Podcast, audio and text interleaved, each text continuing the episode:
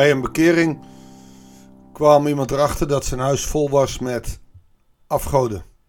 Oftewel Boeddha-beelden. Hij vond dat mooi. Na zijn bekering had hij zoiets, ik ben zo onrustig. En iemand kwam bij hem in huis en zei, dat komt omdat je heel veel afgodenbeelden hebt. Waarop hij zei, oké, dan zal ik ze wegdoen. Denk je dat ik dan rust krijg? Ja, dan krijg je rust. Nou, dan eh, zal ik ze wel verkopen op Marktplaats. Waarvan die persoon die daar was zei, nee, je moet ze in de zwarte kliko doen. Je moet ze stuk gooien. Ze moeten vernietigd worden. Want anders zadel je een ander op met een afgodsbeeld. Zo gezegd, zo gedaan. Deze persoon kreeg een immense rust in zijn huis. Het werd zijn veilige plek. Zo zie je dat goed bedoeld leuk beeldje, wat uit een afgode, uh, afgoderij komt, of voor ons in ieder geval niet een religie die past bij God, ongelooflijk veel impact heeft, terwijl het alleen maar voor het mooie beeldje is. Dat is een van de redenen om bijvoorbeeld, ja, voor mij, laat ik het bij mezelf houden, niet aan yoga te doen. Op zich zijn yoga-oefeningen niet slecht. Maar de hele filosofie en uh, religie is zo op jezelf gericht. De kracht vanuit jezelf halen. Je inner strength. En de energiebronnen en nou, noem maar op. Alles is erop gericht om dat te doen. Wat belangrijk is, is om met dit soort dingen volledig te breken. Als je als christen de rust en de kracht van God wil ontvangen. Dat merkt eigenlijk koning Asa ook. Koning Asa, de opvolger van Abiam. Goedendag, hartelijk welkom bij een nieuwe uitzending van het Bijbels Dagboek. Toen Abiam bij zijn voorouders te rusten ging, werd hij begraven in de Davidsburg. Zijn zoon Asa volgde hem op. Asa werd koning van Juda in het twintigste regeringsjaar van koning Jerobeam van Israël. 41 jaar regeerde hij in Jeruzalem. Zijn grootmoeder was Maaga, de dochter van Abisalom. Net zoals zijn voorvader David deed Asa wat goed is in de ogen van de Heer. Dat betekent dus dat hij tegen zijn vader Abiam ingaat. Hij dient God. Hij joeg de mannen die zich aan afgoden gewijd hadden, het land uit en verwijderde alle godenbeelden die zijn voorouders hadden gemaakt.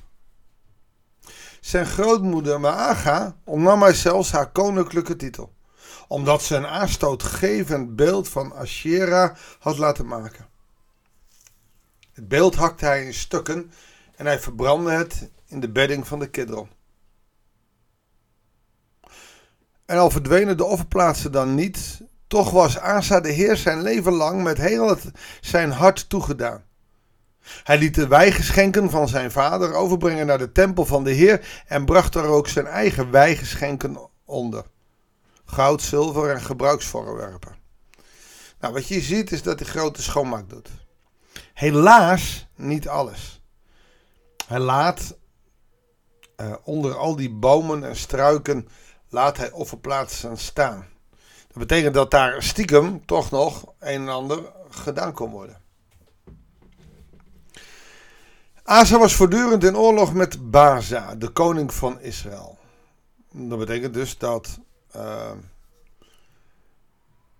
de andere koning inmiddels, uh, Jerobeam, inmiddels is overleden. Dan zal, denk ik, nou, ik moet nou gokken hoor, want je moet het, je, je van de ene naar de andere. Baza is daar de opvolger van.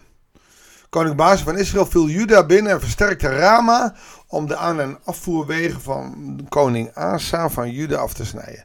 Waarom die uh, oorlog? Die was er al. En je kan wel zeggen, jongens, ik ben, uh, ik dien God, dus ik wil stoppen met oorlog. Ja, dat doet de tegenpartij niet altijd. Je zou nu gaan denken, dan moet het goed gaan met Asa, want hij dient God. Daarom verzamelde Asa al het goud en al het zilver dat in de schatkamers van de tempel en het paleis over was en stuurde enkele van zijn hovelingen mee naar Damascus. Daar moesten ze het aan koning Ben Hadad van Aram, de zoon van Tabrimmonon, uh, de zoon van Gesjon, overhandigen met de woorden: Wij zijn bondgenoten. Waarschijnlijk gaat dat bondsgenootschap uh, terug op David en anders op uh, Salomo. Maar ik, ik vermoed, ik meen dat het David is. Wij zijn bondgenoten en onze vaders waren dat ook. Hierbij bied ik u een geschenk in goud en zilver aan. Verbreek uw verdrag met koning Baza van Israël, zodat hij zich uit mijn land terugtrekt. Benadat willigde het verzoek van koning Asa in en gaf uh, zijn bevelhebbers opdracht met hun legers tegen de steden van Israël op te rukken. Wat je ziet dus dat in eerste instantie Benadat wel meegaat met de tegenstander. Waarom weten we niet, maar die had een goed voorstel. Asa weet hem echter op de eerkwestie namelijk te zetten dat zij bondgenoten zijn. En eerkwestie is in Israël gewoon heel belangrijk. En ook in de omliggende randen.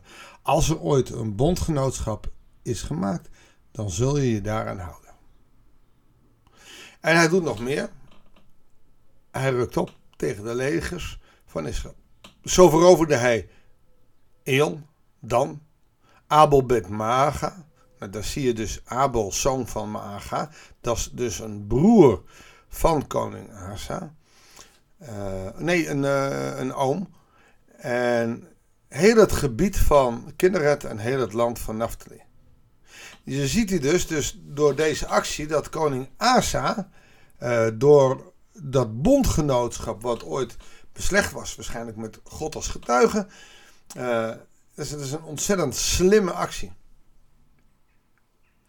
En Baza die helpt dus. Nee, dan moet ik even. Benedette helpt dus niet meer Baza, maar Asa. En hij wordt gezegend. De doorstroomroute is er. Er kan gehandeld worden. Er kan eten en drinken naar binnen. De eer is gered. Toen Baasa hiervan hoorde, zag hij ervan af om Rama verder te versterken en hij trok zich terug in Tirsa.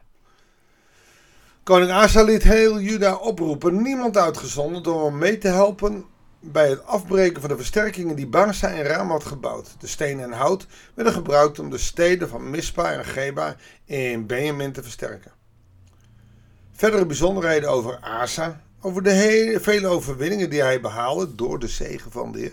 En de steden die hij liet versterken zijn opgetekend in de kronieken van de koningen van Juda. Overigens werd hij op latere leeftijd slecht ter been.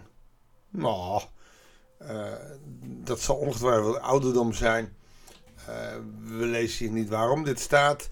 Waarom staat het dan expliciet uh, vermeld? Zou dat zijn omdat hij sommige offer nou ja, of een plekken nog had laten staan, dan zou hij een straffende God hebben. Uh, het is waarschijnlijk niet belangrijk genoeg om het te zeggen. Want dan eindigt dit gedeelte toen Asa stierf, werd hij begraven bij zijn voorouders van de Davidsburg. In de Davidsburg. Zijn zoon Jozefat volgde hem op.